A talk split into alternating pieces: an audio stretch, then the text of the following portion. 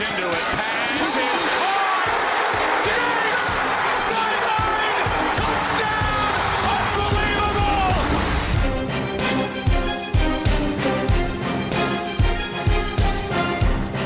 Hoi, leuk dat je luistert naar weer een nieuwe aflevering van de Sport Amerika Fantasy Football Podcast. En jongens, we gaan naar week 13. Dit is de week waarop het moet gebeuren, make or break. Als je nog niet binnen bent in de playoffs, is dit je laatste kans. Of misschien ben je, zoals veel van mijn teams, eh, al wel uitgeschakeld. Eh, en we gaan het er uitgebreid over hebben over de komende week. Wie je wel en wie je niet moet opstellen. opstellen. En zoals altijd doe ik dat samen met mijn twee eh, vaste partners in crime. En dat is aan de ene kant Jimmy Driessen. Hey, hallo. En aan de andere kant Lars Leeftink. Goedenavond. Hey, en eh, Jim, eh, wij spreken elkaar natuurlijk veel door de week. En eh, ik vind het ook erg fijn om bij jou af en toe even uit te huilen als weer een van mijn teams het niet heeft laten zien. Eh, maar ik begrijp dat jij er redelijk rooskleurig voor staat als het gaat om eh, play-off eh, plaatsingen, of niet dan? Ja, van eh, de zes leagues waar ik dit jaar aan meedoe, eh, ja, heb ik vijfde, van vijf leagues al eigenlijk de playoffs wel binnen. En die zesde, dat is namelijk de Rookie League die we vanuit Twitter hebben opgesteld. Daar heb ik de grootste mond gehad en dat is, eh, op een gegeven moment is dat heel hard afgestraft. En daar heb ik nog een heel klein kansje als alle sterren goed staan, maar dat verwacht ik niet. En jij, Lars? Eh, ja, drie van de vier op dit moment eh, naar de playoffs. En eentje daarvan, dat is in de Dynasty. Daar ben ik eh, ja, keihard aan het tanken, zullen we maar zeggen. Dus eh, wat dat betreft is het prima dat ik daar onderaan sta. Ja, dat is, de, dat is inderdaad de, die een, de andere dynasty sta jij natuurlijk op playoffs koers. Ja, daar sta ik eh, bovenaan in principe. Dat ja. ik wil net zeggen, want ik, in die dynasty heb ik namelijk eh Devante Adams naar jou toe Ja. getrade. Omdat jij Ja. een titelkandidaat bent en ik natuurlijk al vrij vroeg inzag dat het met mijn team niks ging worden. Ja, want ik heb daar in die league heb ik Mahomes, Carson, McCaffrey. Dus ik dacht van ja, weet je, als ik dan Adams er nog bij kan halen, dan... eh, Ja, volgens mij zeker. aan. Ja. Nou, de komende, de komende paar jaar zou jij toch redelijk dominant moeten kunnen zijn in, in die league. precies. Nou ja, ik eh, sta met één eh, team eh, goed en wel in de playoffs. En ook al verzekerd van een bye week in de eerste ronde. Maar al mijn andere teams hebben het hard laten afweten dit jaar. En de pijnlijkste van allemaal was toch wel eentje waar ik moest gaan winnen. Alles moest winnen. Dus de laatste twee weken moest winnen om de playoffs te kunnen halen. Dan ook zeker de playoffs zou halen. Maar een 129, 100 of 99 projectie in mijn voordeel niet heb kunnen vertalen naar een overwinning. Omdat en Herbert en Kamara en Thomas en weet ik veel wie allemaal nog meer eh, niet thuis gaven afgelopen weekend. En dus werd het eh, tranen en, een, eh, en een, een uitschakeling, geen playoffs. Helaas. Maar goed, voor heel veel mensen die dit zullen luisteren, geldt dat gelukkig niet en hebben alle kansen. En dus gaan wij snel door naar de wedstrijden van aankomend weekend. En ja, ik wil trouwens even- met één klein dingetje beginnen, jongens. Hoe freaking belachelijk is het dat we in week 13 jongens als Christian McCaffrey, Tom Brady. Je kunt lachen, maar ik heb Tom Brady op veel plekken als mijn starting quarterback. En nog veel mensen moeten gaan benchen, eh, moeten gaan vervangen. Omdat er dus nog bye weeks, eh, een bye week gepland staat voor die teams. Dat, dat slaat toch nergens op, of niet, Jimmy? Ja, ben ik helemaal met je eens. Maar ik, ja, daar hebben de, de managers in de NFL zelf geen boodschap aan natuurlijk. Maar dit is dodelijk. Van stel voor, McCaffrey was wel, eh, kon in principe weer spelen in de week Ja. 13 als, als ze ingeroosterd zouden zijn. Ja, heel, heel Dan concreet. Ik heb een team... Kan je playoff Ja. kan daarvan afhangen. En dan heb je gewoon een van de beste fantasy spelers heb je niet beschikbaar. Ik heb, ja, dan, eh, ja. heb je, eh, dan heb je een klote gevoel. Ik heb letterlijk een team waar ik dus inderdaad Tom Brady als eh, zelfs, dat zelfs in een superflex league, dus met twee quarterbacks waar ik Tom Brady niet heb en dus ook Christian McCaffrey niet heb in datzelfde team. Ja, en dat maakt voor mij een verschil van, van waarschijnlijk winnen, winnen of verliezen. Want in plaats van Brady en, en Andy Dalton, wat oké is, kom ik nu met Sam Darnold en Andy Dalton. Ja, daar voel je je dan toch minder lekker over. Dat kan ik je heel eerlijk vertellen. Nou, ik Dus- wel moet ik heel eerlijk zeggen, want ik speel tegen jou dus. Ja, nou ja, goed. Dat, eh, dat, eh, dat is jammer dan. Nee, maar dat is, dat, dat voor de, die zijn er dus allemaal niet. Maar wie er wel zijn, eh, zijn genoeg andere teams. De rest, zo gezegd.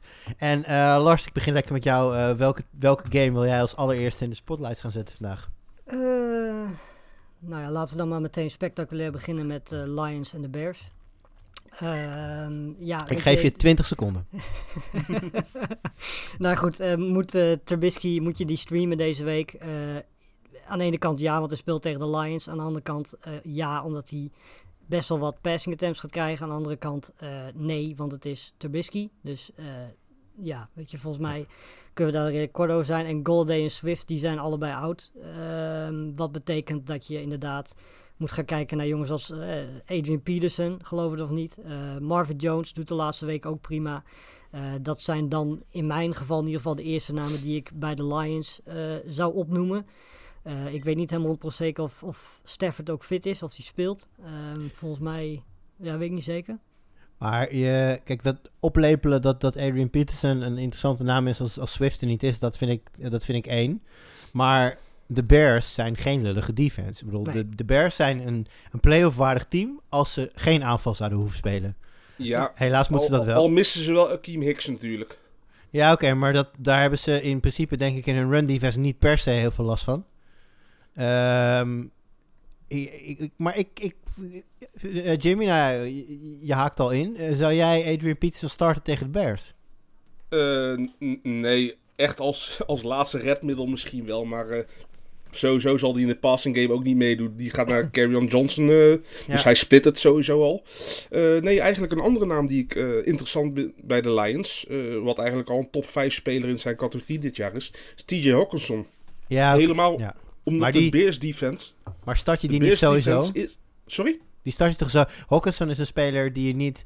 eh, el, die start je volgens mij elke week, no questions asked, tegen wie die ook speelt. Als jij Hawkinson als tight end hebt, is de kans Ja, nee, niet heel groot natuurlijk dat je een andere tight end hebt. Dus daarom, daarom zit ik wat meer te kijken naar jongens als bijvoorbeeld een Marvin Jones en Adrian Peterson. Nee. Omdat, ja, dat zijn jongens waar je nog een keuze op dat zijn nu wel de namen inderdaad. Ja. Nee, maar Marvin, eh, in tegenstelling tot wat Lars zei, is eh, Marvin Jones, ja, luister, de laatste twee wedstrijden weer echt heel matig.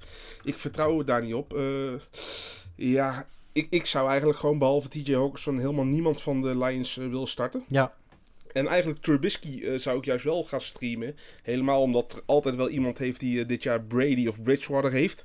Dus die nou een bye heeft. En hij heeft dit jaar al eerder tegen de Lions gespeeld. Toen gooide hij 242 yards, 3 touchdowns en 0 interceptions. Dus hij heeft het nummer van de Lions. Dus ik zou, ik zou het als streamer zou ik hem, zou ik hem aandurven. En eh, hoe vertaalt zich dat dan naar de passcatchers van de Bears? Eh, ja, dat, dat zal lastig zijn. Want eh, vooral ja, Robinson is daar natuurlijk de, de man waar het om draait. Alleen die is wel qua klik een stuk beter dan Vols. Dus ja, ik, ik vind het lastig. Ik denk dat het juist meer gespreid wordt. En ook de tight end dat hij weer wat, wat kansen krijgt. Dus Robinson, ja, blijft natuurlijk wel iemand die top 12 eh, waardig is. Maar misschien een lichte downgrade. Ik ben wel benieuwd naar wat eh, Mooney des- dit weekend eh, kan gaan doen. Ja. Die zal ook niet vaker een softere matchup dan dit, eh, dan dit krijgen. Dus een beetje een now or never game misschien wel voor Mooney. Goed, dan eh, ik denk dat het goed is om door te pakken naar misschien een, een, een team met een winning record of zo. Jim, ik laat het aan jou. Nou, dan gaan we naar de Saints tegen de Falcons, denk ik.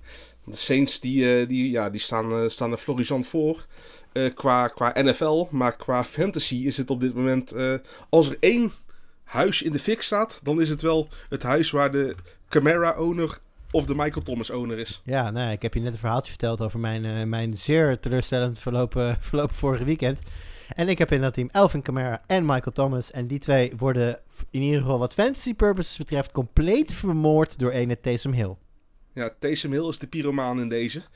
Eh, ja, de cijfers spreken voor zich. Sinds dat eh Taysom Hill de quarterback is, heeft Camara, wat eigenlijk de running back is die het het meeste van zijn receptions moet hebben, heeft maar één reception in totaal gehad in twee wedstrijden. Ja, bizar. Dat is killen. Want kijk, Camara is natuurlijk een hele goede running back. Maar niet de elite qua running. Zoals een Delvin Cook of een Derrick Henry dat is.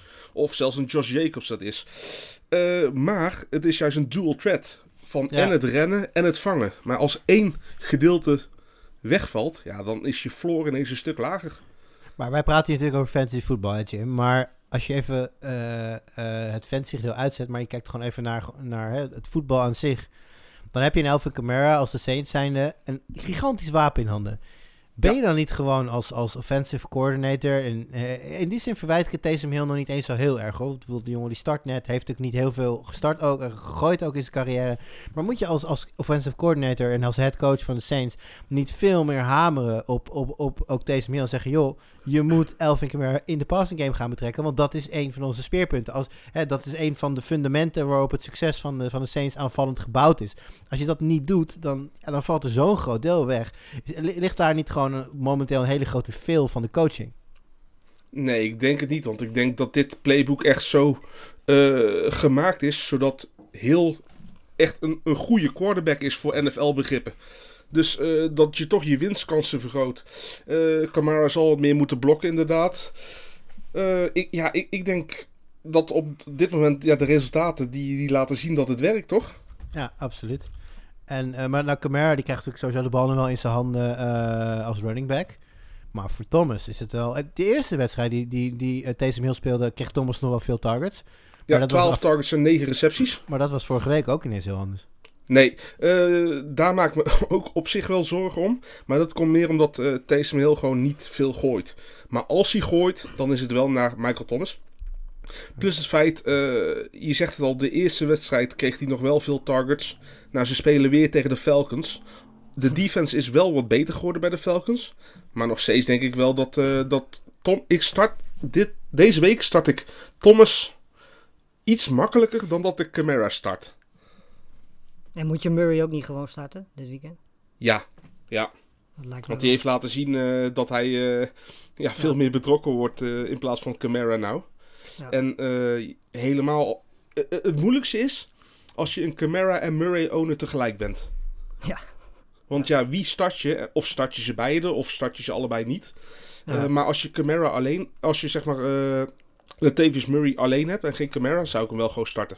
Ik denk ik ben dat... bang dat zolang, uh, zolang, uh, zolang heel daar de quarterback is, en ik weet niet precies hoe lang dat nog gaat duren natuurlijk, uh, maar ja, zolang dat de situatie is, denk ik dat Camara en Thomas in ieder geval uh, wel een hele pittige downgrade krijgen. En dat Murray in ieder geval zeker weer ja. ja. een hele grote stijging krijgt. ja, het is natuurlijk geen toeval dat in de. Nou, Murray had toevallig in week 1 15 attempts, maar dat kwam natuurlijk ook mede toen nog. Uh, zullen veel mensen weer vergeten zijn. Maar Camara kwam natuurlijk licht geblesseerd het seizoen in. Hè? Die had toen die, die rare injectie gekregen in het offseason. Uh, in de zomer. Maar daarna heeft Murray heel wisselvallig. de ene week 3, dan weer 12. En het du moment dat Taysom Hill de starter werd, heeft hij 12 en daarna 19 attempts gehad. Natuurlijk vorige week 19 met uh, 19 attempts, 124 yards en twee touchdowns. Ja, daar, daar wilde ik inderdaad naartoe. Uh, Camara, Latavius Camara wil ik zeggen. Elvin, Elvin Camara, die uh, is natuurlijk een top 5 running back. Maar wel als hij inderdaad echt de lion's share van, van, wat, van wat het running back werk daar inhoud heeft. Maar dat lijkt hij momenteel in ieder geval kwijt te zijn. En ik denk ook dat je als coaching van de Saints nu niet ineens om Latavius Murray heen kan. Nee, ik, uh, ik, ik vind het zelfs moeilijk om op dit moment uh, Camara running back 1, uh, zeg maar top, top 12 te noemen. Ja.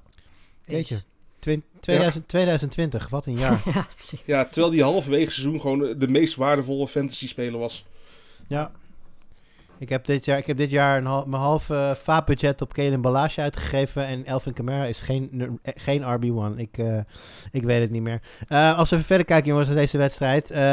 running backs. Todd Gurley is natuurlijk een twijfelgeval. Ik heb me niet echt verdiept in zijn situaties. Ik weet niet of al bekend is of hij wel of niet start. maar zo niet. Hoe, hoe schalen jullie dan Ito Smith en Brian Hill in, Lars? Nou ja, ik, had, ik had Brian Hill eigenlijk op het moment dat ik zag dat Gurley ja, oud was en ik zag dat ze tegen de Raiders moeten, had ik eigenlijk meteen Brian Hill opgepikt. Omdat ik dacht van ja, weet je, dat is gewoon op dit moment hun eerste running back. Um, maar dat bleek niet echt zo te zijn. Ze hadden allebei ongeveer 12, 13 carries. En ja, Ito Smith had ook nog volgens mij 5 targets, 4 catches. dus die was in de passing game ook nog wat, wat actiever. Um, ja, dus weet je, qua, qua, qua running game is het heel moeilijk in te schatten, denk ik. Dat, ze gaan volgens mij gewoon splitten. Uh, maar ik denk dat Ito Smith toch iets interessanter is, omdat hij dus inderdaad wat meer wordt gebruikt in de passing game. Dan kun je überhaupt twijfelen of je tegen die, die Saints, Saints defense überhaupt een van die twee gok mee zou moeten wagen. Maar als je moet kiezen, zou ik denk ik toch wel uh, voor Ito Smith gaan eerder dan voor Hill. Jim? Ja, nee, wat, wat Lars als laatste aanbrengt is inderdaad het meest valide argument. Uh, als je deze week afhankelijk bent van de keuze Ido Smith of Brian Hill. Nou ja, gecondoleerd. Want ja, de, de run defense van de Saints is gewoon ontzettend Ja. sterk op dit moment. Eh, ja, en de Falcons blijft natuurlijk eh, met Matt Ryan een, een, quarterback die, die vooral veel wil gooien. Helemaal als Julio Jones zaak ook gewoon nog fit is. Dan heb je met Ridley en Julio Jones heb je gewoon eh, target monsters. Dus eh, nee, ik, ik, ik geloof er niet in. Maar mocht Gurley langer geblesseerd blijven inderdaad. Hij heeft natuurlijk al een eh, probleem met zijn knieën altijd gehad. Dan is Ido Ja. Smit wel iemand om gewoon op te kunnen pikken en te stashen. Want eh, ja, wie weet tegen, tegen minder goede defensies kan, het, kan, kan hij een uitschieter gaan hebben. Ja, ik zit even te kijken. De status van Julio lijkt erop dat hij niet gaat spelen aankomend weekend. Ja. Eh, hij eh, was eh, volgens mij woensdag limited. En ehm, vrijdag, of nee, sorry, donderdag heeft hij niet getraind. Zoals hij did not practice. En eh, vrijdag is hij wel op practice geweest, maar in welke. eh, dat wil niet altijd zeggen dat hij dan eh, een participant is. Hij kan ook, als hij dan voor zichzelf een beetje run oefeningen doet, dan kan hij nog steeds DN, DNP zijn. Ja. Eh, dus dat is nog heel even afwachten. Zijn we net even iets vroeg, maar. maar eh, de, de sportmedia in Amerika zijn in ieder geval niet onverdeeld positief als het gaat om eh, Julio Jones. Kan, Jones Het kan goed zijn dat hij nog een weekje moet missen. Ja, hij was wel op training vandaag. Dat was wel het laatste, maar verder nog niet, ni- niks meer bekend. Ja, precies. Nou goed, dat blijft dan dus even afwachten. Gaan we even verder en dan pak ik hem lekker door. Eh, bij de Browns en de Titans. Want ik eh, heb een rot gevoel overgehouden aan eh, afgelopen weekend als het gaat om een van mijn teams. Maar bij een van mijn andere teams speelt ene Derrick Henry. de running back van de Tennessee Titans. En met dat team ben ik ook al in de playoffs. Dus ik weet ook al dat ik daar kan gaan genieten van de matchups die Henry heeft. Nou, daar hebben we het twee weken geleden volgens mij uitgebreid over gehad. Ehm, nou, aankomend weekend, jongens. eh, Cleveland Browns op bezoek bij de Tennessee Titans. Ehm, ja, Henry, ik denk niet dat we er veel woorden over vuil hoeven maken. Eh, Jim, zie jij Henry als de, de, de beste running back voor de rest van dit seizoen? Ja, qua fantasy eh, sowieso. Zijn laatste drie wedstrijden. Twee keer tegen de Colts, één keer tegen de Ravens. Teams die best wel een goede run defense he- hebben. Alle drie de keren boven de 100 rushing yards. En eentje zat hij nog, de laatste keer zat hij zelfs tegen de 200 rushing yards op. Ja, als die man eraan komt en hij gebruikt zijn arm en hij beukt hem erin. Ja, eh, succes. Ja, eh, ik denk dat de Browns, de Jaguars, Lions, eh, Packers en Texans er niet echt uitkijken naar die matchup tegen hem. nee, nee, die, die Ja. zijn hun eh, schietgebedjes al aan het, eh, aan het gebruiken inderdaad. Ja. Ja, nou goed, kijken we even naar de andere, de andere kant. Daar is, eh, misschien, eh, wat, wat, zijn wat interessantere vragen. Ehm ja, Chubb eh, terug, eh, dan blijf je toch altijd... eh, valt het, is altijd af te wachten hoe het dan valt met, met Nick Chubb en eh, Kareem Hunt. Hoe, eh, hoe zien jullie die situatie? Ik, eh, ben, ik, ik heb altijd een beetje gezegd eh, dat het een eh, Chubb is 1A en Hunt is 2, eh, 1B in plaats van 1 en, en 2. Maar ik heb toch wel een beetje twijfels om, om Hunt nu. Eh, want wat zijn eh, sterke punt altijd was, was eh, de passing game. Maar eh, ja, vorige week kreeg eh, Nick Chubb meer targets dan Hunt. Al moet ik zeggen, tegen de Titans zou ik ze beide ook gewoon op durven te stellen. Maar het is wel zo dat eh, de, f- de, de ceiling van Chubb is een stuk hoger dan die van Hunt geworden. Ja. Ja, toch vind ik het raar. Want ehm, in principe zou er niet een heel groot verschil moeten zijn. Omdat volgens mij hoe ze het daar doen is ze geven hun running back drives. Dus op het moment dat eh, Hunt in vorm komt, dan weet je ook zeker dat hij die drive mag gaan afmaken. Nee, is, is niet helemaal waar. Want eh, laatst zo was zo begonnen een, ze eh, wel in ieder geval. Ja, nee, maar laatst toen Chubb al terugkwam, had hij die hele lange run. En uiteindelijk mocht Ja, oké, maar dan, maar dan heb, je, dan heb je het ook over een Chubb die net terug van blessure is en die net ook 80, je- 80 yards heeft gerend.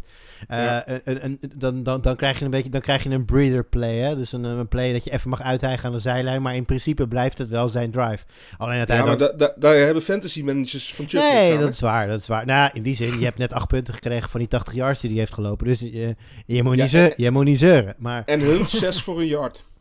ja, nee, dat is. eh, dat, eh, dat hou je. Nee, maar goed, het, het blijft daar natuurlijk lastig. Eh, ze hebben weken dat ze inderdaad, zoals je terecht zegt, 1A, 1B zijn. Maar het lijkt nu toch dat, dat er nog maar 1-1 en 1-2 eh, eh, over zijn daar. Momenteel. Maar Chubb, Ch- Chubb ziet er sinds zijn terugkeer eh, van zijn blessure echt goed uit, toch? Zeker. kijken we verder naar Cleveland, jongens. Uh, nou ja, we weten natuurlijk Odell Beckham eerder dit seizoen afgehaakt. Ja, wat vinden jullie nou van Jarvis Landry? Die Landry, ja, breekt me de bek niet open. Dat is net zoiets, daar heb ik net zoiets als met Hilton mee. Gewoon al veel te vaak, veel te, heel vaak gedraft, altijd teleurgesteld. En eigenlijk dit jaar, ja, nog niet eens zo heel erg teleurgesteld, maar dat zegt tegelijkertijd ook wel weer iets. Hoe, Lars, hoe kijken jullie naar, naar, naar Jarvis Landry? Nou, in principe is Landy nu sinds uh, Beckham natuurlijk die bestuur heeft, is hij volgens mij gewoon de eerste target. Afgelopen weekend had hij, had hij 11 targets, 8 catches, 143 yards en een, en een touchdown. Dat was dan natuurlijk wel tegen de Jaguars. Um, maar de reden waarom ik denk dat Landry dat natuurlijk niet gaat volhouden op deze manier is ten eerste omdat hij best wel wat lastige matchup eraan heeft komen. Nou, tegen Tennessee komend weekend zou ik hem gewoon opstellen. Maar daarna, uh, de Ravens, de Giants en ook de Steelers, ja, dat zijn geen matchups waar je, denk ik, met veel zelfvertrouwen Landry opstelt. Ook omdat uh, Mayfield ten eerste twee hele goede running backs heeft, uh, die hij gewoon heel veel gaat gebruiken. En ten tweede, ja, je van Mayfield zelf eigenlijk ook gewoon niet 100% zeker weet wat je kunt verwachten. is nou niet de meest stabiele quarterback in de NFL. Um, weet je, met andere, elke andere quarterback en niet met zo'n running back duo zou ik Landry 100% vertrouwen nu. Maar met die twee factoren erbij zou ik denk ik wel, uh, ja, weet je, volgens mij is Landry iemand die gewoon ja, wel kan opstellen als je een goede matchup hebt. En uh, ja, weet je, als je niet heel veel goede receivers hebt, is Landry nog steeds een prima optie. Maar ik denk niet dat je moet verwachten dat hij nu elk weekend dit soort wedstrijden gaat spelen. Want dat gaat denk ik niet gebeuren. Okay. Nou, we gaan het uh, zien uh, aankomende zondag. Uh, pak lekker door. Ehm, net als vorige week gaan we lekker sneken. En aangezien ik net als derde heb gepikt, draaien we om en ben ik nu als eerste aan de beurt. En ik ga lekker naar een wedstrijd toe die jullie allebei hadden kunnen pikken. Maar ik ga het lekker doen. De Philadelphia Eagles op bezoek bij de Packers. En um, ik heb voor jullie allebei één vraag. En ik begin bij uh, jou, Lars. Um, ja. Is de defensie van de Packers zo slecht op de grond dat ik met goed fatsoen zowel Miles Sanders als Boston Scott kan opstellen in mijn teams?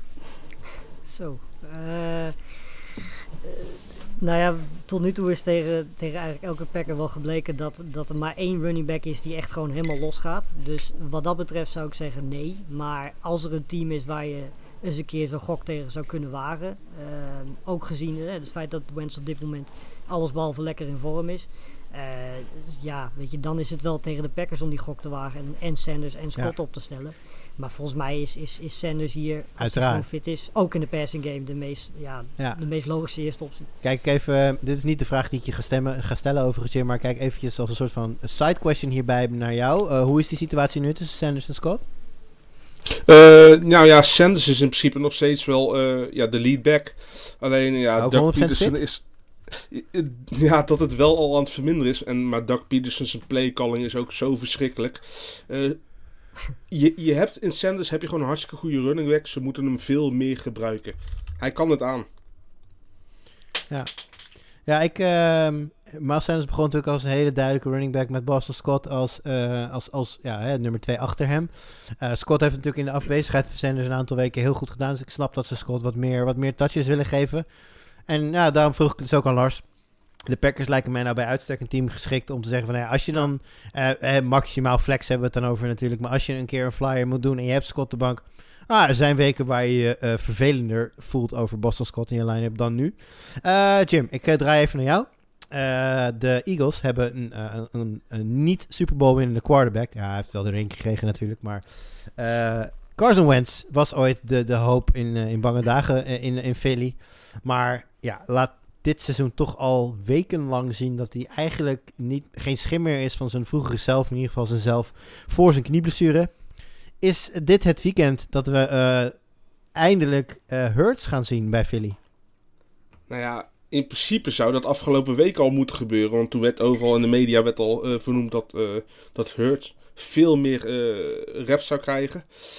Maar ja, de, uiteindelijk kwam hij er een keer in. play heeft hij gecallt was een uh, overtreding, een penalty. Werd eruit gehaald en, en Wens is er weer in gekomen. Dus ja, ik, ja. ze, ze, hebben zoveel vertrouwen blijkbaar in de, in de Doc Peterson-Wens combinatie. Wat ik niet meer begrijp. Uh, ja, het lijkt wel... Die man in de pocket... Het, het lijkt of hij kortsluiting krijgt op dat moment. Hij houdt de bal veel te lang vast. Of, ja, het lijkt me sterk dat geen enkele wide receiver van de Eagles of een tight end geen separation kan creëren. Maar ja, ja hij, hij, voor defensies is het heerlijk om tegen de Eagles te, te spelen. Want je krijgt sack na sack na sack. Ja. Nee, en het, ja, het raar, het is het niet, het is is eigenlijk helemaal niet raar. Wat, wat je net zegt over Hurts, dat is helemaal in lijn met wat ze tot nu toe hebben gedaan met Hurts. Eigenlijk al vroeg in het begin eh, gaf Peterson al aan van dat ze bepaalde ja, eh, schemes voor hem gaan, gaan Trick verzinnen. plays. Ja, eh, waar, waar ze dan zijn kwaliteit in kunnen gebruiken. En eigenlijk zitten we nog steeds te wachten op het moment dat ze hem een keer een kans geven als quarterback. Want tot nu toe is hij een beetje als een trick monkey gebruikt. Ja, ja al, al gun ik het hem nou ook niet eh, met de offensive line qua blessures die we dit, dit jaar hebben. Kijk, Wens speelt zelf slecht en ja, die, die, het niet zien. Maar hij heeft ook een gedecimeerde offensive line, dus Ja. het wordt hem ook wel moeilijker gemaakt. En ik denk dat je een Hurts misschien wel helemaal kan slopen al, door hem nu in te brengen. Ik wil iets zeggen over de off- offensive line in de Bengals, maar laat ik het maar niet doen. Ehm, nou, even nog eh, kort even afsluiten. Eh, Jimmy, zie jij nog receivers aan de kant van de Eagles die eh, deze week een gokje waard zouden zijn? Nee, Top. Lars, eh, behalve Devante Adams, eh, Aaron Jones en uiteraard eh, Aaron Rodgers. zie jij nog andere mensen bij de Packers die deze week in onze line-up zouden thuis horen? Nou ja, ja hooguit. ik denk dat Tonjan op tight end wel een interessante naam is. Als je heel erg desperate bent, kun je Lazard opstellen. Ehm, maar verder ja, houdt het daar eigenlijk wel op. Eh, ik vind het wel interessant om te zien dat Williams steeds meer kansen krijgt. En ook steeds productiever begint te worden. Dus, eh, ondanks dat hè, Ja. Aaron Jones nog, nog steeds goed speelt. En overigens, iedereen die Valdez Kentling eh, na die twee fantastische wedstrijden heeft opgepikt. eh, ja, shame on you. Want de laatste twee wedstrijden eh, sterker nog, afgelopen weekend had hij helemaal geen targets. ja, maar dat is de wet dus- van MVS, hè? Zodra Ja, je hem precies. hebt, doet hij Ja. niks meer. Ja, Nee, precies. Dus, eh, en, de wet, ja, weet en je, ook de wet van Sammy Watkins en ook de wet van zoveel anderen. Hij heeft zijn groep gevonden, laat het Ja, zo ja, dat is absoluut waar. Nee, eh, zeker waar. Nee, Jam- eh, Jamal Williams is wel interessant inderdaad hoe je dat zegt. Ik heb ook het idee dat, dat eh, hij... eh, eh, Aaron Jones was natuurlijk eh, nou ja, eh, op zijn beste dagen easy een top 5 running back. Omdat hij ook eh, een dual threat werd. eh, veel gebruikt in de passing game. Ik heb wel het idee dat hij juist op dat vlak veel aan het afstaan is eh, aan, aan Williams. Ik weet niet, misschien hebben jullie daar de cijfers iets helderder voor je dan ik dat heb. Maar dat is een beetje mijn gevoel wat ik krijg als ik een beetje naar de Packers aan het kijken ben. Eh, nou ja, ik zie hier dat hij... eh, in principe tegen de Bears had hij inderdaad maar twee targets. Maar daarvoor zat hij in principe gewoon op een niveau wat hij aan het begin van het seizoen had. Mm. Had hij gewoon vier, vijf targets per wedstrijd. En ook zijn carries zijn niet per se minder geworden. Ehm, ik denk wat dat betreft dat er niet veel veranderd is. Behalve dan dat Jamal Williams gewoon veel productiever met Ja. de kansen die hij krijgt omgaat. Ja. Good for him. En inderdaad, wat je, wat je aan het begin van het verhaal zei, dat Robert Tonyan zou een interessante naam kunnen zijn. Ja. Eh, goed, over interessant gesproken. Jimmy, geef jij ons eens een volgende wedstrijd die interessant is. Ja, je verdoemde net al met een slechte OL die ook een quarterback hebben vermoord. De, Beng- ja, de Bengals tegen de Dolphins. Ja, Ja, eh, vorig jaar zou dit helemaal een lachertje van een matchup zijn geweest. Maar ja, dit jaar eh, de Dolphins doen het hartstikke goed. En eh, ja, beide gaan met, waarschijnlijk met de backup quarterback spelen. maar wie is de backup quarterback bij de Dolphins dan? Ja, ja dat is een goede vraag inderdaad. Nee, in principe hebben ze uitgesproken natuurlijk als Tua Tagovailoa fit is, start hij. Maar ik denk dat Fitz, eh, Fitzpatrick gaat eh, spelen. En dat is voor fantasy spelers een, een hele beste opsteker. Ja, absoluut. absoluut. Dat eh, zal alle passcatches uh, ten goede. Je zag het al meteen. Gesicki is ineens uit de dood weer opgestaan afgelopen, afgelopen weekend. Dus dat is goed nieuws. Ik weet trouwens... Parker is zelfs gewoon een, een, een, Ja, een top 24 receiver voor mij. Ik vind trouwens dit qua timing ook voor het echte voetbal wel even interessant. Want als je naar de AFC East kijkt, dan staan natuurlijk de Bills bovenaan. Ik zeg natuurlijk de Bills bovenaan in de AFC East. Dat is heel raar, maar maakt niet uit. Eh, de Bills staan bovenaan 8 en 3 en de Dolphins 7 en 4. Als je nou de Dolphins tegen de Bengals van Joe Burrow had gehad, dan had ik het nog wel willen zien. Maar nu heb ik toch wel redelijk veel over- overtuiging in dat de Dolphins dit gaan winnen. En ja, de, East eh, zou daardoor nog wel eens heel interessant kunnen worden de, de aankomende weken tussen de Bills en de Dolphins. Maar goed, dat, eh, dat voor eh, een andere show. Want we hebben het hier natuurlijk voornamelijk over, over fantasy. Nou, Jamie zei het al. eh, de, de passcatchers van de Dolphins zullen erbij gebaat zijn als fit start. Ehm, hoe zie jij dat voor de Bengals? Nou ja, ik, sinds eigenlijk Joe Burrow geblesseerd is geraakt, eh, heb ik eigenlijk de meeste wide receivers van de, van de Bengals al afgeschreven. AJ Green was natuurlijk altijd al een beetje kantje boord. Die zat wel of net niet op de waiver wire steeds. Uh, Arden Tate ligt er het hele seizoen uit. En de twee belangrijkste die, die over zijn, uh, Tyler Boyd en T. Higgins. Daarvan is vooral Ty Tyler Boyd is heel erg teruggevallen. Ik denk Ja. dat T. Higgins de, de nummer 1 target is voor de, voor de Bengals. En die zou ook nog wel durven te starten. Maar met Boyd, wat gewoon een wide receiver 1-2 was. Ja, dat valt gewoon naar misschien een Ja. flex bij een goede, bij een goede matchup. Maar eh, ik, ik zou hem eh, op de bank zetten zelfs. Ik, eh, ik vind het heel raar, want ik, als je, toen, toen, toen Burrow wegviel, werd natuurlijk meteen gespeculeerd van, nou ja, wat, wat gaat het dan betekenen voor al die spelers? En eigenlijk de algemene verwachting was dat Tyler Boyd er nog wel het best af zou komen, omdat hij natuurlijk ook al met andere quarterbacks heeft laten zien eh, iets in huis te hebben, terwijl Higgins eh, natuurlijk nu net binnenkomt en, en heel duidelijk een, goed, eh, een goede connectie had met Burrow, waar de mensen dachten van, ja, die zou nou nu met een andere quarterback wel eens weg kunnen gaan vallen. Maar het tegendeel blijkt waar, het is precies omgekeerd. Ja, maar goed. Eh, Het blijft natuurlijk lastig oordelen op één volledige wedstrijd. Ja. Eh, kijk, krijg, krijgt dadelijk, krijgt dadelijk Boyd wel ineens veel meer targets dan Higgins. Ja, dan zitten we weer met een compleet nieuwe situatie. Maar goed, we weten alleen eh, de informatie die we nu hebben gezien. En T. Higgins lijkt het nieuwe nummer 1. Ja, interessant. En eh, qua running backs daar, Mixon volgens mij nog steeds IR. Ja. Volgende week volgens mij weer. En Bernard? kan, die, kan die terugkomen? Sorry? Bernard? Is die, weer, is die alweer een keer fit of eh, speelt hij ook weer niet? Ja, no november is voor hem voorbij, hè. Dus eh zijn snor is eraf. dus hij kan weer, eh, hij kan weer rennen. Ah, oké. Nou, dat is natuurlijk, mocht je die in je, in je team hebben, dan is dat een easy start, zolang, eh, zolang Mixon er niet is. Eh, gaan wij lekker door. En Lars, dan is het jouw beurt weer. Eh, dan ga ik voor ehm, de Rams tegen de Cardinals. Want eh, ten eerste ben ik heel benieuwd wat jullie daarvan denken. Want Christian Kirk was eh, eigenlijk gedurende het, het, seizoen eh, best wel een belangrijke target. En eh, de afgelopen, wat is het, twee, drie wedstrijden, heeft hij op zich die targets nog wel. En dat is dan persoonlijk voor mij een reden waarom ik me nog niet per se 100% eh, zorgen maak. Maar het puntenaantal vergeleken met die drie weken daarvoor is wel echt heel erg naar beneden gegaan. En daarnaast zijn zijn matchups de komende weken, waaronder dus twee keer tegen de Rams, niet heel erg gunstig. Eh, daarnaast zijn, is natuurlijk een Drake weer terug. Eh, Murray heeft een, een, een beetje last van zijn schouder. Eh, wat natuurlijk ook ervoor gaat zorgen dat onder andere Drake meer kansen zal krijgen in de running game. En ze wat minder zullen eh, proberen, zeker dieptebaas, wat volgens mij voor Kirk heel erg belangrijk is. Ehm, dus ik, ik ben benieuwd hoe jullie dat vinden. Maar ik, ik maak me wel een beetje zorgen om, eh, om Kirk qua fantasy. Nee, Eh, Kirk, Kirk vind ik voor deze week zo, sowieso nog wel een optie. Puur eh, vanwege het feit dat er eh, twee teams een bij hebben waar je eigenlijk best wel veel wide receivers eh, fantasy relevant zijn. Met een DJ Moore, met een Curtis Samuel, met, eh, met heel het eh, Buccaneers arsenaal, met Antonio Brown, Evans. Dus nu kan je hem nog wel starten. Daarnaast zal hij niet met Ramsey te maken krijgen. Die zal op Hopkins, denk ik, geschaduwd worden. Ja. Nou, is de andere cornerback ook niet heel slecht natuurlijk. Want de Rams zijn qua defense sowieso goed.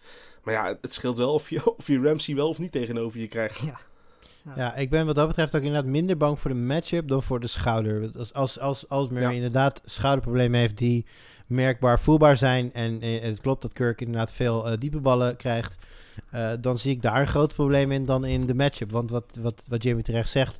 eh, hè, de Rams zijn eng voor wide receivers. Omdat ze gewoon nou ja, een van de beste, zo niet de beste shutdown corner in de league hebben lopen. Ehm, waar Hopkins, maar dat wordt een hele interessante eh, wedstrijd, een hele interessante matchup ook om naar te kijken. Want het worden mooie duels, denk ik.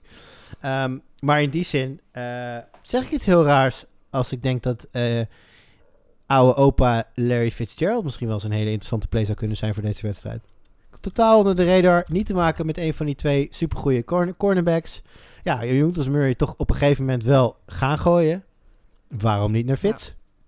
Ja, dat, dat worden inderdaad de, de korte, kortere dump-offs inderdaad. Eh, en ik denk dat voornamelijk eh, Drake en Edmonds daar ook heel veel eh profijt van kunnen hebben. Dus ik denk niet eens dat eh, Fitzgerald de grote winnaar is. Ik denk dat het vooral eh, Edmonds en eh, Drake zijn. Zou Want kunnen. behalve in de passing game zullen ze ook dus de, de goal line targets krijgen. Dus eh, de rushing touchdowns. Van Drake is dat al gebeurd. Eh, ja, dat, die krijgen ineens een hoop punten erbij. Waar ze bij de Kyler Murray juist er niet zijn.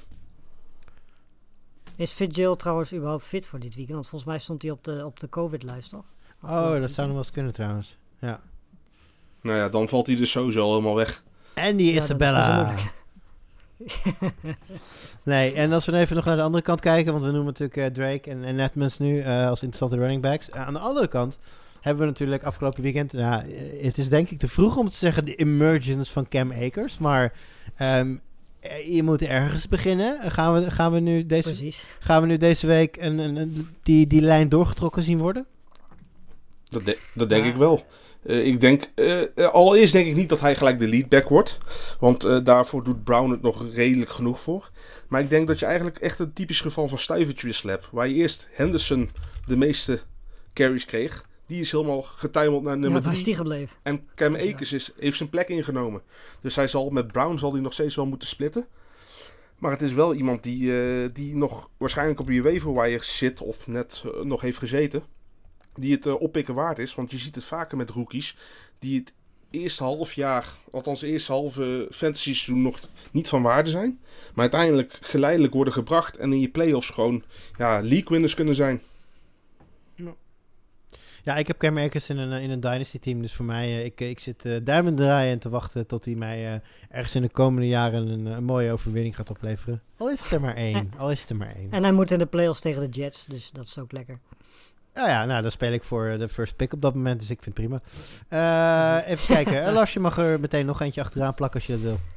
Eh, doen we Patriots tegen de Chargers. Ehm, we hebben het al eventjes over... over eh, oh nee, dat hebben we niet gedaan. Eh, over Herbert. Ja, ik heb, Of ik heb hebben we dat genoemd- gedaan. Ik heb even genoemd dat hij in mijn team zo erg teleurstelde dat ik dus niet geplaatst ben Ja, in de playoffs. precies. Dankjewel, Herbert. Ehm, en eh, ja, weet je, dan gaat natuurlijk meteen eh, heel veel ja, alarmbellen is misschien overdreven, maar ja, wel een beetje mensen misschien denken van, eh, oké, Patriots, goede secondary, eh goede defense, gaan ze misschien meer rennen, eh, noem het allemaal maar op. Ehm, de kans acht ik in ieder geval wel heel erg groot dat die 52 passing, passing attempts die hij afgelopen weekend had, dat hij die niet gaat halen.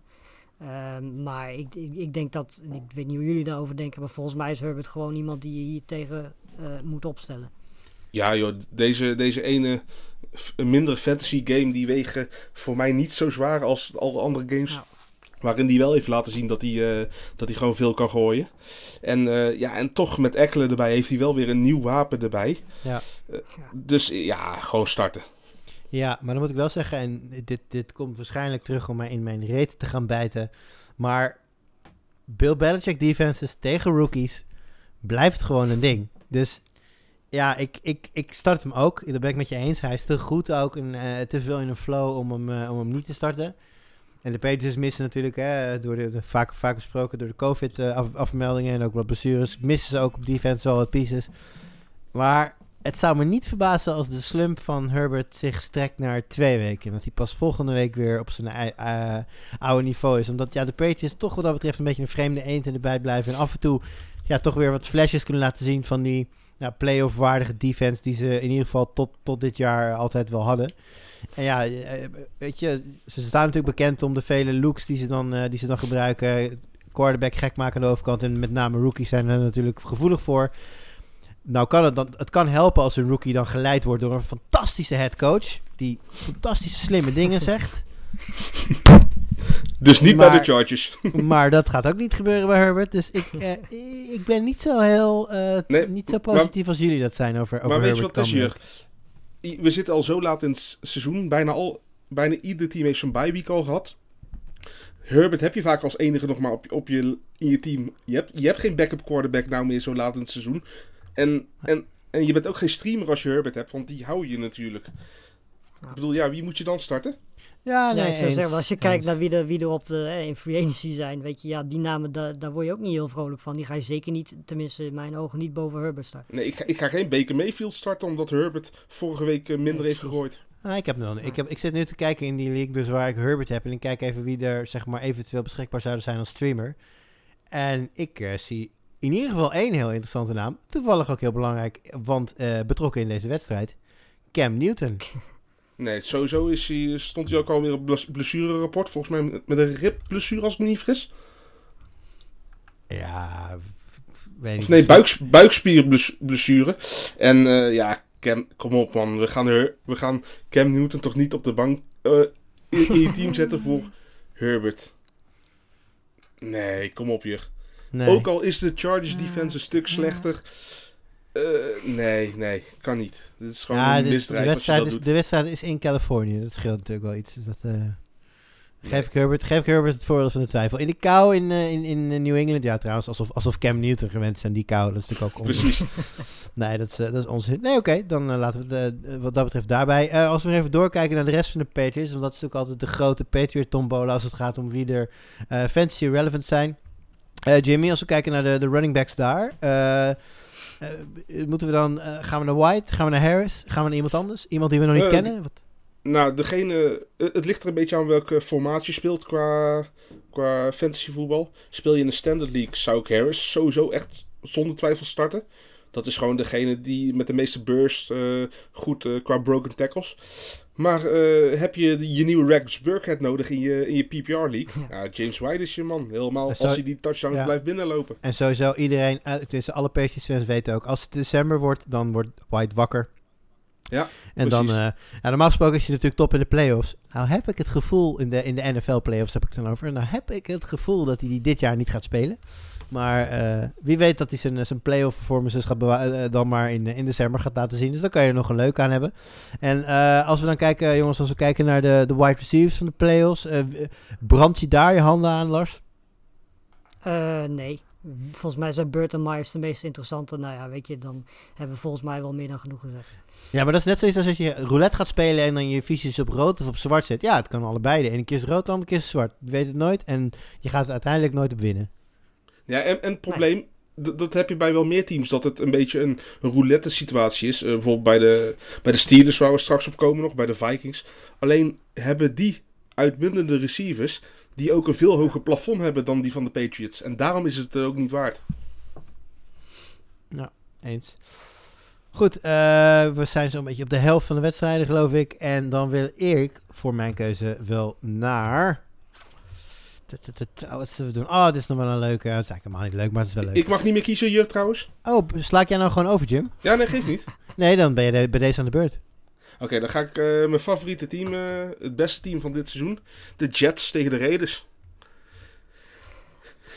Ja, was sarcastisch hier.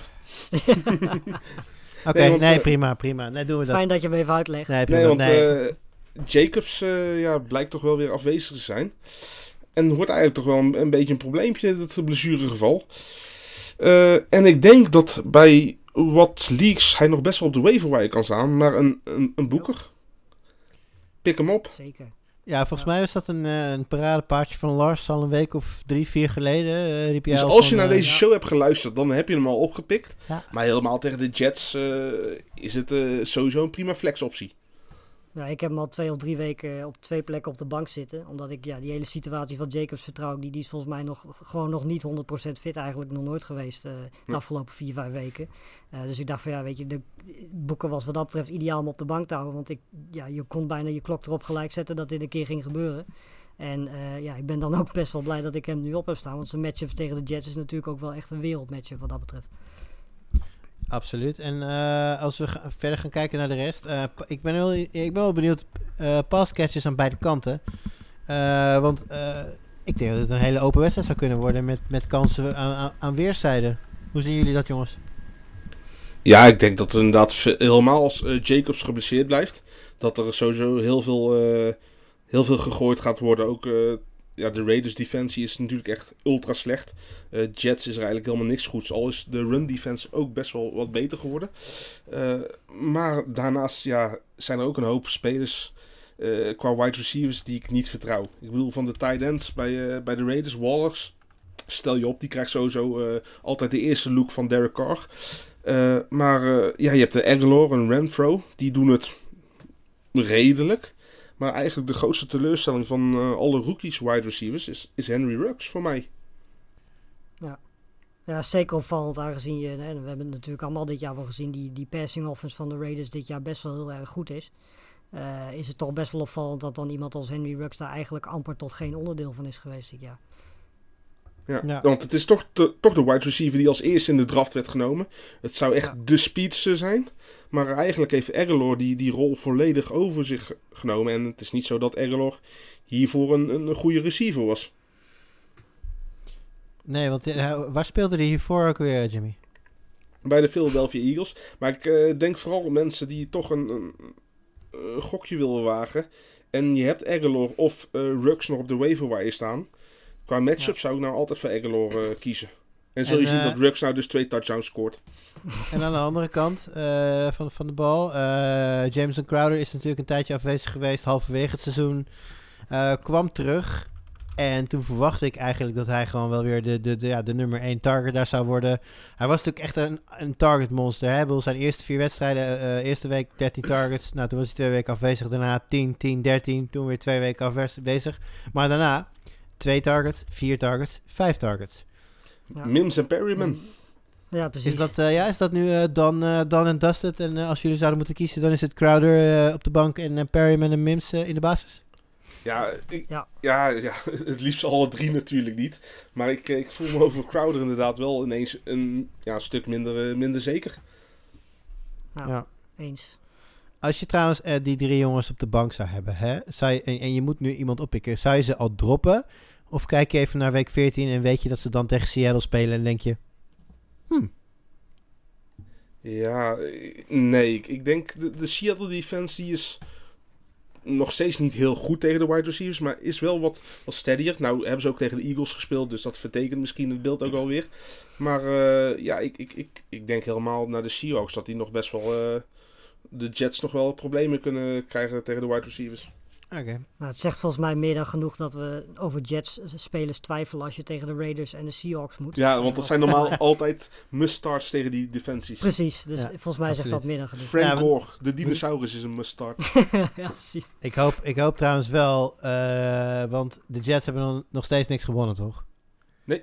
Oh, ik, ik, hoe vers- ik, ik kan er gewoon niet, niet aan dat, dat Frank Gore zijn laatste seizoen 0 en 16 gaat. Ik wil dat echt niet. Nou, dat is week 17 tegen Dit de is niet zijn laatste seizoen. Hij gaat eigenlijk nog gewoon met Frank Gore Jr. spelen. Oké, nee, dan is het goed.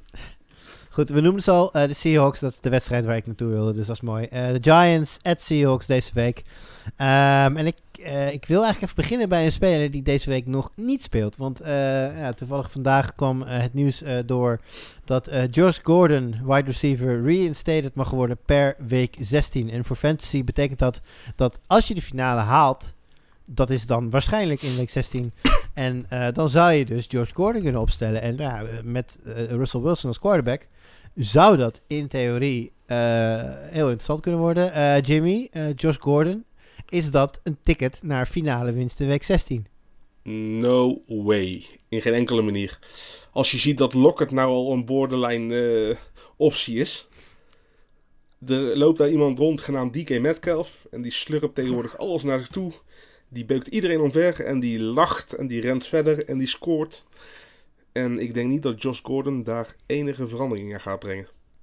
Maar daarnaast is Carson terug. En daarnaast in week 16 spelen ze tegen de Rams. Dus eh, dan ja, hebben volgens mij wel drie genoeg redenen. Ja, exact. Dus, dus, dus, dus eh, eh, Jalen Ramsey staat dan op DK Metcalf.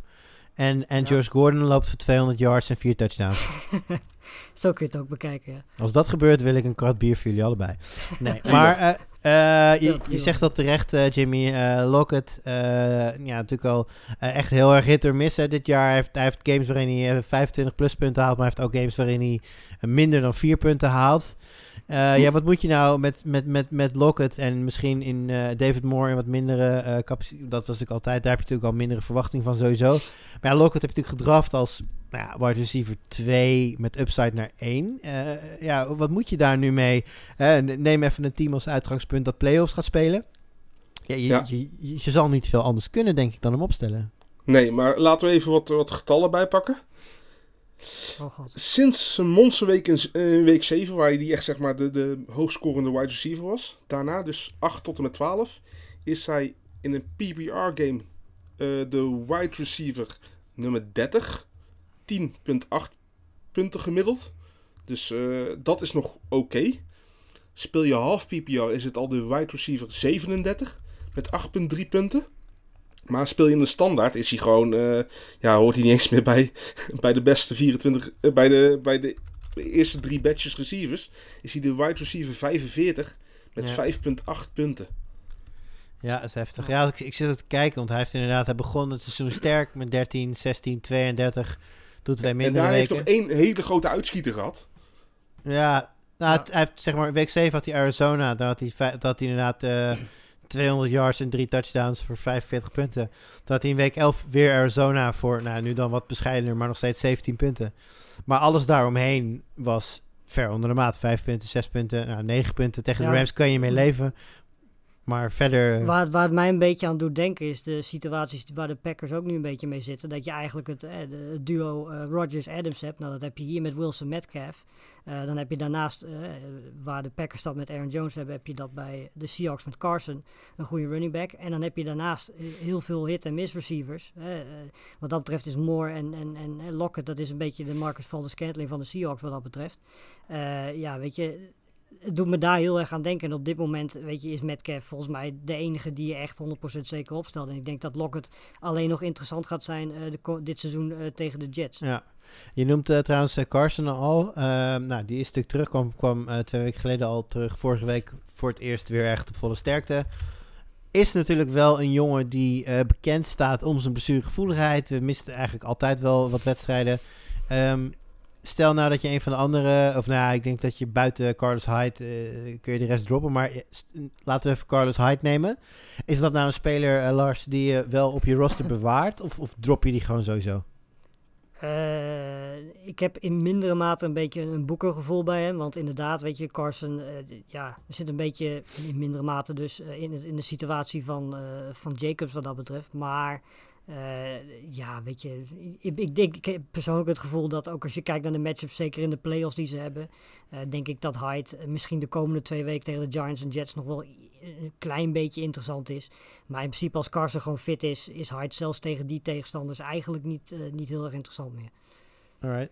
En eh, Jimmy, als we dan even naar, de, naar eh, de andere kant gaan kijken, en naar de Giants, jou natuurlijk wel bekend vanuit de NFC East. Yes. Eh, Daniel Jones schijnt wel niet te gaan spelen. Weet jij me hier meer van? Ja, de verwachting is dat hij, eh, dat hij... Hij is nog steeds questionable. En de verwachting is dat Colt McCoy gaat starten. Oei. Hij is trouwens doubt, doubtful. is Oh, doubtful zelfs, hier moet je nagaan. Ah, dan, Dus, dan eh, kan je Colt lezen McCoy als gaat inderdaad. Ja. Ja. En ja, ja betekent, heeft dat nog gevolgen? Ik bedoel, ik, de Giants zijn voor mij eigenlijk een beetje... eh, net al, misschien met uitzondering van Engram, maar eh, net als de Jets. eh, als ik ze niet hoef te starten, dan doe ik het niet. En dat zal niet beter worden met Colt McCoy. Nee, ik denk de enige die, eh, behalve Ingram, ook vanwege zijn positie natuurlijk. Eh, maar Galman is, is gewoon nog een interessante optie. Die, eh die Ja, krijgt Oké, eh, running backs daar gelaten, maar ik bedoelde even de Ja. pass catches. Kijk, ik sterker nee, nog... nee, de- voor de passcatches eh sowieso zijn het al heel veel hit- en miss eh, gasten natuurlijk. Met Darius Slayton en Ja. Shepard en, en, en Golden Tate. Eh, nee, ik zou daar niemand echt heel makkelijk van starten. En dat is eigenlijk tegen ons natuur in. Want we zeggen altijd tegen de Seahawks, start je wide receivers. Ja, absoluut. Maar als ik zou moeten kiezen, zou ik absoluut voor Shepard gaan. Want die heeft volgens mij de laatste weken echt wel gewoon stabiel veel targets. Ja. Dus als je dan de gok moet wagen, dan zou ik voor Shepard. Ja, Ja. maar ik, eh, het is een gok, maar ik, ik, doe, hem- ik doe hem niet Ja. heel erg eh, met vertrouwen. Nee, zeker. Eh, niet. maar je noemt, eh, je noemt Wayne Gallman, eh, Jimmy. Eh, Ja. Voor hem zou je de situatie misschien wel eens om kunnen draaien. Omdat ja, als je zekerheid een beetje wegvalt op quarterback, dan zou je misschien nog meer op de running back of de running game kunnen gaan leunen dan je al deed. En dan wordt het voor Gallman natuurlijk nog veel interessanter. Ja, de vraag is alleen of hij echt die eh, Ross Bar eh, Barkley rol helemaal aan kan. S- Ross Barkley, Saquon Barkley. Ross Barkley is een voetballer. Eh, eh, nee, ik, ik heb daar wel met, mijn twijfels bij. Maar hij krijgt gewoon de, de laatste vier duels achter elkaar heeft hij volgens mij een touchdown gescoord. Dus hij krijgt gewoon de red zone carries. Dus hij is wel iemand die, die punten kan scoren voor je team. En aangezien er al zoveel running backs geblesseerd zijn overal. Ja, is Galman voor mij zeker wel een starter. dus Ja, nee, en, en voor de rest, ja, de, deze matchup misschien niet. Maar de Giants defense is ook eigenlijk een beetje onderbelicht. Die eh, zijn eh, sneaky goed de laatste tijd. Ja, maar dan denk ik wel dat dit nou net niet de matchup is waar je de Giants defense nee, dat zei ik al. Van deze week niet, maar Ja, oké. ja. Alrighty. eh, nou, dan eh, pak ik hem door. Want ik had natuurlijk nu ook twee picks op rij. Eh, de Jaguars tegen de Vikings.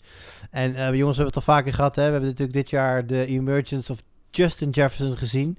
Eh, Jimmy, jij noemt net Rux de, de, de grootste teleurstelling als het gaat om rookie eh, wide receivers. Is Jefferson eh, de, de, is de, de tegenovergestelde daarvan? Is hij de, het, het, het, lichtpunt Ja, helemaal. Omdat eigenlijk voor het seizoen uh, begon eigenlijk alle reports kwamen dat hij juist weer was gedegradeerd. Had een slechte, uh, uh, ja, slechte indruk achtergelaten. En eigenlijk was Obishi Johnson was ineens boven hem in de pickorde. Maar dat, ja, dat was na anderhalve week was dat voorbij. En sindsdien is het ja, een monster. Het is wel iemand die ook gewoon nog wel slechte weken kan hebben. Dus weinig targets of receptions kan hebben. Maar zijn, ja, zijn plafond is immens hoog. Zelfs, ja. met, zelfs met Thielen in de line-up. Ja, dat is interessant nog wel even om even naar te kijken. Thielen, uh, het, het, is een beetje, het is een beetje, die eten elkaar het kaas van het brood af natuurlijk. Hè. Als, de ene, als de een goed is, dan valt de ander tegen, vice versa. Nou, Thielen heeft net twee goede weken achter de rug. Um, heeft wel op de COVID-lijst gestaan vorige week, ja, dus, dus niet meegedaan? week 12 niet gespeeld inderdaad, maar daarvoor uh, tegen Chicago 18 punten, tegen Dallas, nou oké, okay, dat is dan Dallas, maar 28 punten. En natuurlijk met Jacksonville deze week, uh, ja, Tampa Bay lastiger, maar voor wide receivers niet heel vervelend. Uh, volgende week aardige match-ups, maar jongens, als jullie voor deze komende wedstrijden zouden moeten kiezen tussen Thielen en Jefferson, wie kies je dan, Lars? Poeh, dan ja, ga ik toch voor Thielen en waarom? Omdat hij verdomd veel touchdowns vangt. En dat is eigenlijk de voornaamste reden waarom ik hem dan toch boven Jefferson zou kiezen. Um, aan de andere kant maakt Jefferson dat goed met heel veel yards. Dus eh, weet je, ik denk dat je met beide prima zit. De kans dat je allebei in hetzelfde team hebt zitten, ja, die is denk ik niet heel erg groot. Dus waarschijnlijk heb je de beschikking over één van de twee. Um, volgens mij kun je ze allebei prima opstellen. Maar als ik moet kiezen, zou ik voor Vielen gaan vanwege zijn, uh, vanwege zijn red zone threat en zijn touchdowns. Hoe is dat voor jou, Jim? Uh, ja, het, het heeft wel te maken met uh, hoe goed is. Ik weet ook niet of uh, Thielen zelf COVID had of in contact is gekomen met iemand. Maar stel voor dat hij het zelf wel had. wil ik toch even kijken hoe het met hem is, ja, hoe die fysiek is. Ja. maar in principe zijn ze beide fit. Kies ik nog steeds voor Adam Thielen puur vanwege track record. Die, die, hij heeft bewezen met Cousins die connectie te hebben is natuurlijk net als Justin Jefferson wel boom of bust. Maar ik heb dan liever iemand waarmee ik weet van... Ja, hij heeft met Cousins gewoon een goede klik. Vorig seizoen ook al. Ja, dan ga ik daar toch nog wel voor. Alleen, uh, ja, Justin Jefferson klopt wel echt, echt op de deur. Echt uh, bizar. Ja, ja. Hey, je noemt hem al, uh, Kirk Cousins. Dat vind ik ook nog even een interessante. Nou, goed, tegen Jacksonville is dat natuurlijk een best wel aardige matchup. In een van mijn teams heb ik Lamar Jackson... Uh, komt natuurlijk terug van de COVID-lijst. Dus nog even afwachten of die al gaat spelen of die al gekleerd gaat worden. Maar laten we, er even, laten we ervan uitgaan dat dat wel het geval is. Dan nog voel ik wel lichte twijfel uh, of ik Lamar Jackson wil opstellen. Die nou, uh, een lastig seizoen doormaakt, laten we het zo zeggen. Of Kirk Cousins met, met een aantal heel legit wapens tegen een, een, een prima tegenstander om flink wat punten te halen. Jimmy, hoe zie jij? Ik, ik, ik voel geen enkele twijfel. Ik zou Kirk Cousins opstellen. Ten eerste, Lamar Jackson is al uh, niet in vorm. Is dus ook nog eens uh, op de COVID-lijst geweest. Uh, heeft in zijn team op, om zich heen ook heel veel blessures. Weinig echte andere wapens die hij heeft. en daarnaast, sinds week 8, is Cousins gewoon ook al de, de betere quarterback qua punten van, ten opzichte van Lamar Jackson. Terwijl zijn, zijn matchups niet eens per se makkelijker waren. Dus uh, nee, ik, ik zou dan vanwege alle feiten en omstandigheden zou ik echt voor Cousins gaan. Nou. Ja, de enige reden waarom je misschien Lamar Jackson zou kunnen kiezen is omdat het tegen de Cowboys is. Maar goed, Cousins heeft ook een goede matchup, ja. dus eigenlijk valt dat al weg. Uh, ja, weet je, dan is er wat mij betreft ook geen twijfel meer om, uh, om voor Cousins ja. te kiezen. Nou, dat is mooi, want ik speel in dat team met dat team tegen het team van Jimmy. Dus, uh, waarbij ik moet zeggen dat Jimmy al lang en breed geplaatst is voor de playoffs. En ik met een overwinning en heel erg veel mazzel. Want volgens mij zijn er dan drie teams die niet mogen winnen boven mij. En dan zou ik eventueel nog de playoffs in kunnen, maar ik ga er niet van uit. Uh, Jimmy, voor jou weer de volgende wedstrijd. Ja, de Colts tegen de Texans. Ja, daar blijft niet veel over meer natuurlijk op een gegeven moment. ik uh, wil het even over Will Fuller hebben. Ik denk dat heel veel managers nu zitten te balen. Want het is een jongen die als wide receiver 2 was... Zeg maar, als, als je wide receiver 2 was gedraft. Maar was gewoon echt een top, top 12 ja. receiver. Uh, ja, zelfs top 6 zelfs. Uh, ja, en is geschorst. Tot het, ja, het, is, het is natuurlijk nog veel erger. Want het, je hebt net, uh, ik, ik weet ja, niet zeker, maar je hebt net je hebt misschien wel zijn beste week. Ik denk zijn beste week dit jaar heeft hij net afgeleverd. Uh, Hij is eindelijk een keer Hij, eh, hij, hij- als je op de drempel van de playoffs staat, dan heeft hij je daar afgelopen week of al overheen geholpen, of je staat er nu nog beter voor en je kan hem deze week afmaken. Eh, Hij, hij maakt je lekker, hij geeft je de beste week die je maar kan hebben in fantasy en dan is het klaar. En Ja. eh, nou ja, een schorsing voor zes wedstrijden, geloof ik, hè? Ja, dus in het Ja. nieuwe seizoen waar hij een free agent is, eh, mist hij ook nog een wedstrijd. Ja. Dus eh, ja, en ik denk dat er maar één, eh, nou, niet per se één winnaar is. Er zijn wel meerdere winnaars, maar de grote winnaar zal misschien wel eh, Brandon Cook zijn. Die eh, ten eerste, kijk, er zit wel een keerzijde aan, want eh Fuller was een field stretcher, dus dat wil zeggen echt een deep threat. Dus eh, dat de verdedigers moeten gaan kiezen. Ze kunnen zich nou nog meer op Cooks gaan oriënteren natuurlijk, maar hij zal wel nog meer targets krijgen. Eh, dus ik denk dat dat wel... Maar eh, ik ken, een, eh, ik ken ja. een liedje van Drake. En dat begint met Kiki. Do you love me? Ja, ja Kiki Kuti. Ja, Kiki Cutie, jongens. Is dat niet Ja. eh, terug van weg geweest, mag ik wel zeggen. Er was natuurlijk een, eh, in de tijd van dat, dat Hopkins daar gewoon nog de nummer 1 receiver was. Op de momenten dat, eh, dat Fuller dan wegviel, en dat gebeurde nogal eens, was vaak Kiki Cutie degene die op dat moment dan de fantasy relevant naam werd. En die wordt nu links en rechts in de leagues waar ik in zit toch ook wel opgepikt. Is dat nog een interessante? Ja, sowieso. Ik heb hem ook in drie van mijn zes leagues heb ik hem opgepikt. Omdat het gewoon, ik heb hem niet per se nodig. Maar ik wil deze situatie wel even afwachten.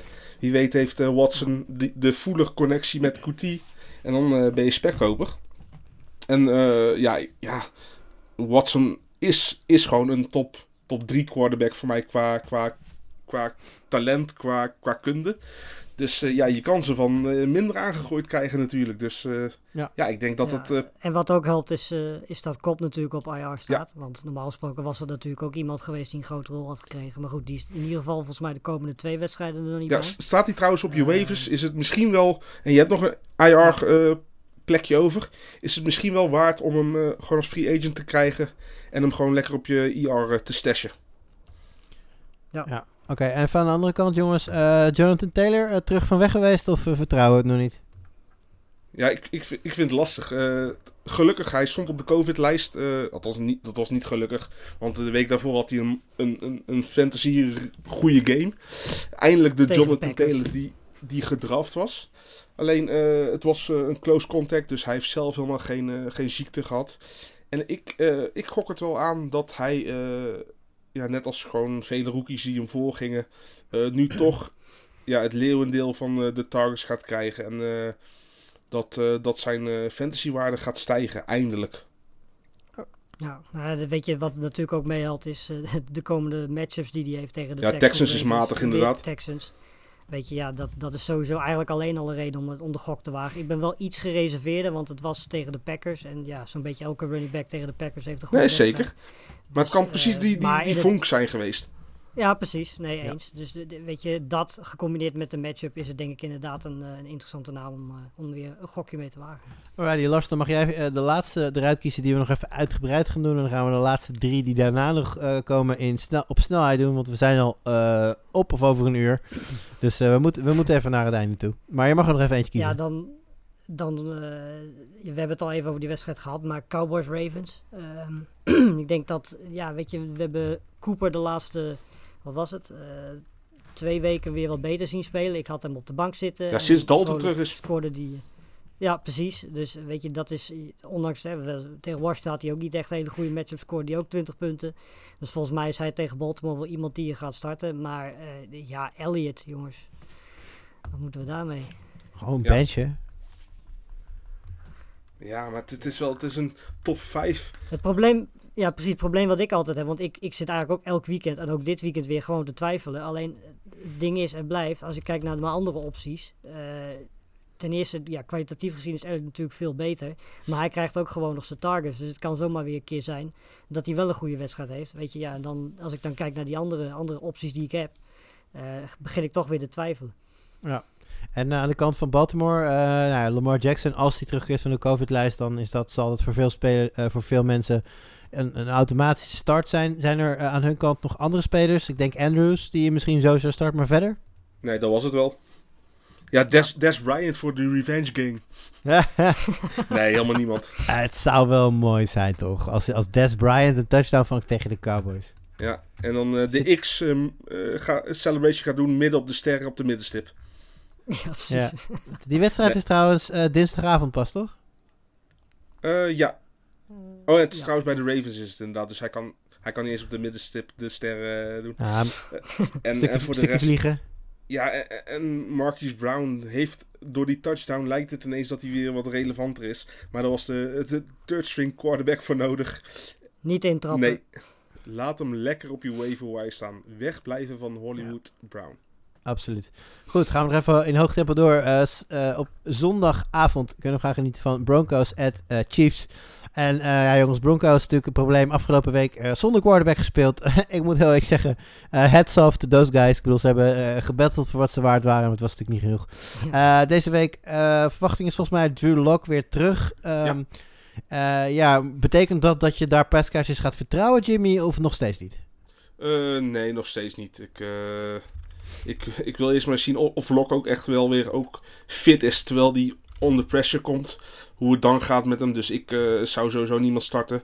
Eh, daarnaast worden de targets nog wel eens eh, ja, verschillend verdeeld. Je hebt de KG Hamler, een Tim Patrick, eh, een Jerry Judy. Die allemaal een beetje steeds elkaar afwisselen. Dus het is een Noah loterijticket zonder hoge, hoge ceiling. Ja. Eh, daarnaast Noah Fent laat het niet zien. Eh, de running backs is ook een probleem. Lindsay laat het ineens niet meer zien. Freeman krijgt. Freeman krijgt ineens weer speeltijd. Eh, ja, Melvin Gordon is van die drie het meeste zekerheidje. Ja. Maar ja, dat is ook, die start ik het liefst ook niet. Groot Ik, eh, ik start Melvin Gordon wel, omdat ik ook verwacht dat de Broncos wel achter komen te staan tegen de Chiefs. Er veel gepaast zal worden. En als Melvin Gordon over het algemeen de back die meer betrokken is bij het spel. En ja, ik, in, in, eh, ik speel over het algemeen. Ik heb hem in een PPR-league trouwens. Dus daar kan eh, Melvin Gordon dan nog wel eens interessant worden. Maar ja, eh, ik, verder. ik wilde hem sowieso nergens oppikken. Dus ik, eh, Nee. ik heb hem avoid. Absoluut. Nou ja, aan de kant van de Chiefs kunnen we kort over zijn. Als je Chiefs aanvallers heb- eh, hebt die in de eerste elf van hun line-up staan, dan start, dan start je ze. Klaar.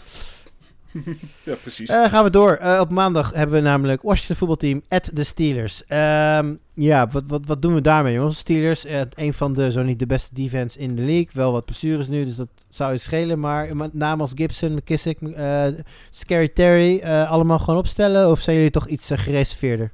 Gibson en McLaurin zou ik sowieso opstellen, want eh, dat zijn je twee beste spelmakers. Eh, en qua running defense, eh, ik bedoel, de Steelers hebben Bud Dupree zijn ze nou verloren, dus ook qua pass rush is het al wat beter voor de, voor de voetbalteam van Washington. Maar McKissick is nou een, een beetje een vraagteken, want Gibson lijkt ook de rol van McKissick overgenomen te hebben. Ja, interessant. En Lars, als we naar de andere kant kijken, de Steelers wide receivers. Nou ja, als we het toch over roulette hebben, dat is ook, dat is ook weer elke week een gok. Eh, op wie staat jouw geld deze week?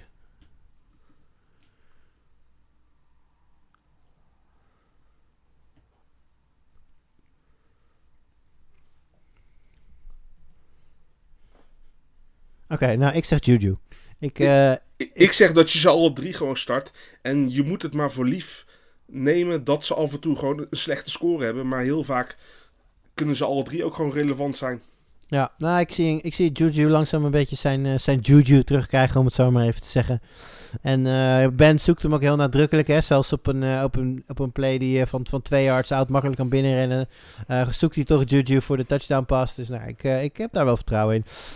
Pakken wij lekker door naar de volgende wedstrijd. Dat is dan de laatste voor vandaag. Het zijn de Buffalo Bills at de San Francisco 49ers. Eh, kijk, Raheem Mostert, speelde hij nou afgelopen week alweer mee? Of is dat aankomend weekend dat hij... Ja. Hij speelde af. Ah, Oké, nou dat is dan top. Dus die eh, start je sowieso. Ik denk dat dat voor eh, Samuel en Ayuk ook wel geldt. Eh, Ayuk die misschien wat minder, hoor, denk ik. Want eh, hij komt terug van COVID. Plus het feit, eh, Samuel slurpt ook een hoop targets weg. En het is Ja. al een, een- niet echt een pass-heavy offense. Dus ik, ik wil, eh, nu Samuel zich als nummer 1 manifesteert, in de afwezigheid van Ayuk, wil ik toch even afwachten. Ik bedoel, Ayuk, al- als je hem kan benchen, benchen. Maar het is ook niet gek om hem wel flex te starten, toch? Ja, nou, ik heb inderdaad Debo Samuel in twee leagues. En eh, ja, die start ik. Ondanks dat de Bills niet de meest makkelijke matchup zijn. En, en ja, de quarterback situatie natuurlijk eh, twijfelachtig blijft in San Francisco. eh, start ik Debo Samuel met enig vertrouwen. Andere kant van de bal, Jim. Nou ja, we komen er volgens mij elke week wel heel eventjes op terug. Singletary en Moss. Is dat, ja, hoe ga je met die clusterfuck om? Ja, dit is ook gewoon stuivertje wisselen. Het is, eh, eh, waar eerst eigenlijk Mos de overhand leek te hebben, is het nou de laatste week weer gedraaid. Singletary zag er beter uit, kreeg meer carries. Eh, maar ja, het is borderline flex, maar ja, ook gewoon puur als je niks anders hebt. Ik, eh, ik stel ze op met samengeknepen billen. Nou, dan met de samengeknepen billen van Jimmy sluiten we deze week af. Jongens, hartstikke bedankt. Yes. Ja. En eh, jullie allemaal bedankt voor het luisteren. Hartstikke veel succes op week 13. Ik hoop dat jullie de finale allemaal halen als je daar nog kans op maakt. En wij spreken jullie volgende week weer. En dan gaan we eh, voorbeschouwen op de eerste play-off ronde in fantasy voetbal dan week 14. Voor nu heel veel succes en tot de volgende keer.